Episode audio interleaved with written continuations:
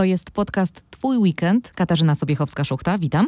Malwina Zaborowska, także obecna. Dodam, że to przestępny weekend z 29 dniem lutego, w sobotę. Tak jest, a od piątku w kinach coś, co ja, witająca się także Agnieszka Friedrich, uwielbiam najbardziej. Film kostiumowy z przepięknymi Wiedziałam. zdjęciami, z muzyką klasyczną. Kasiu, jak ty mnie znasz. No I tematem jest Oczywiście miłość. miłość. Miłość, cała Agnieszka.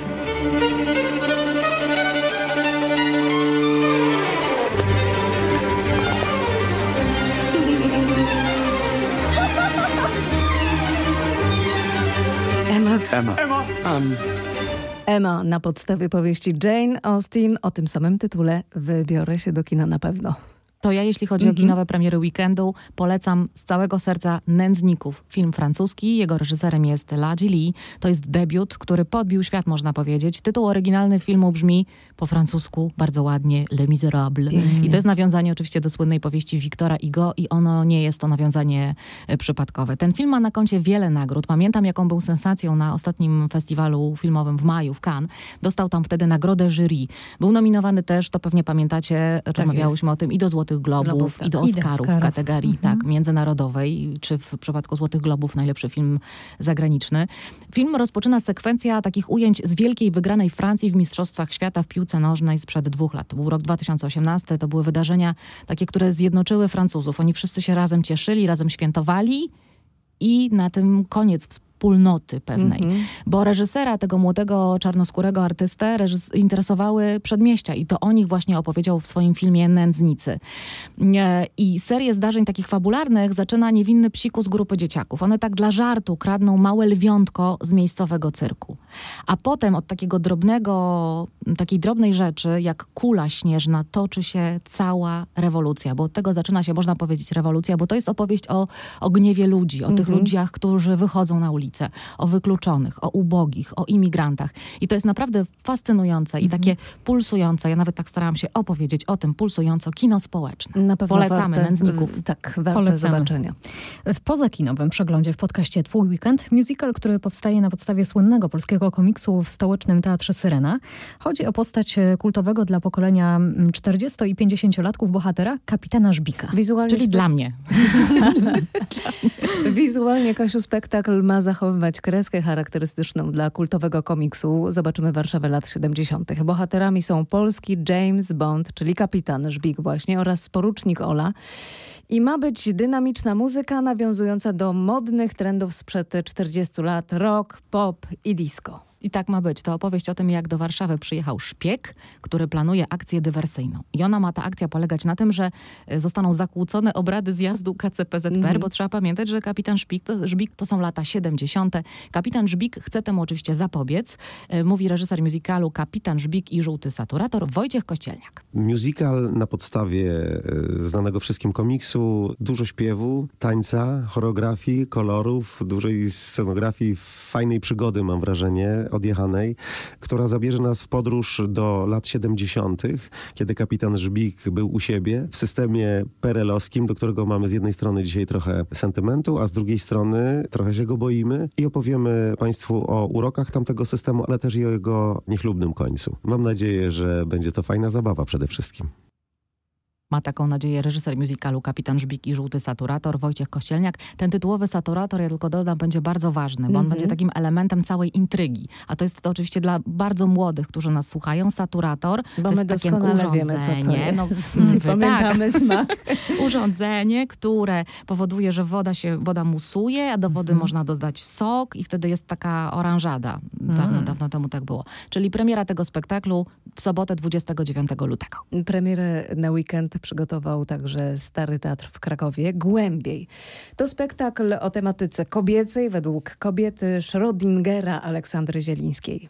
Tekst powstał podczas warsztatów dramatopisarskich zorganizowanych z okazji obchodów setnej rocznicy uzyskania przez kobiety praw wyborczych w Polsce.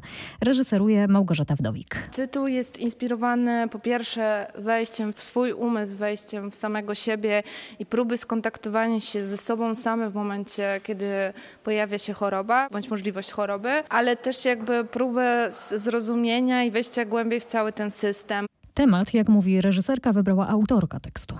Postać głównej bohaterki jest wzorowana na jej historii. Wydaje mi się, że było ważne, żeby to doświadczenie autorki spróbować przenieść w E, na scenę i spróbować jakby znaleźć coś, taką przestrzeń do narracji, która jest, dotyczy raka piersi i dotyczy możliwości tego, jak ta, ta diagnoza bądź ta choroba może wpływać na postrzeganie siebie samej. Mówiła Małgorzata Wdowik, to jest reżyserka spektaklu Głębiej w Starym Teatrze w Krakowie, a ta o przedstawienie bierze udział w ogólnopolskim konkursie na wystawienie polskiej sztuki współczesnej. Premiera w piątek, 28 lutego. No a dzień później na deskach Teatru Impresaryjnego we Włocławku rozpustnie śmieszna i interaktywna interaktywna sztuka dla dorosłych tylko. Przed publicznością zaprezentuje się Olga Bołądź w spektaklu pod tytułem to tylko seks. Będzie to przedstawienie, które mm, odpowie na kilka podstawowych pytań, chociażby takich jak dlaczego miłość kończy się małżeństwem, czego tak naprawdę pragną kobiety, kto ma większy apetyt i na co, no i oczywiście jaka jest najczęstsza fantazja seksualna. W pierwszej części Olga Bołądź będzie wykładała y, jak profesor wszystko to, co ze seksem y, jest związane i z relacjami damsko-męskimi. W drugiej części części będzie starała się odpowiedzieć na pytania e, publiczności, które również będzie tej publiczności zadawała. Przypominam, to tylko seks, e, opracowanie tekstu Tomasz Jachimek, a występuje Olga Bołądź 29 lutego o godzinie 17 we Włocławskim Teatrze. No, przypominał Piotr Gutowski, kierownik tamtejszego działu organizacji imprez i edukacji teatralnej także w dniu, który pojawia się w kalendarzu raz na cztery mhm. lata, czyli 29 lutego w Wilamowicach w Śląskiem. Uroczyste obchody Międzynarodowego Dnia Języka Ojczystego. Wilamowski jest jednym z ponad trzech tysięcy języków na świecie, którym grozi wymarcie. Po wilamowsku mówi zaledwie kilkadziesiąt osób. Z jedną z nich rozmawiał nasz reporter Marcin Buczek. Jedno z pierwszych słów po wilamowsku, które pani kojarzy z dzieciństwem to? Nukwer. Nukwer, czyli sąsiad, sąsiadka, ponieważ bardzo często e, sąsiadki właśnie przychodziły do mojej babci i rozmawiały po wilamowsku e, tak, abym ja nie rozumiała, o czym plotkują.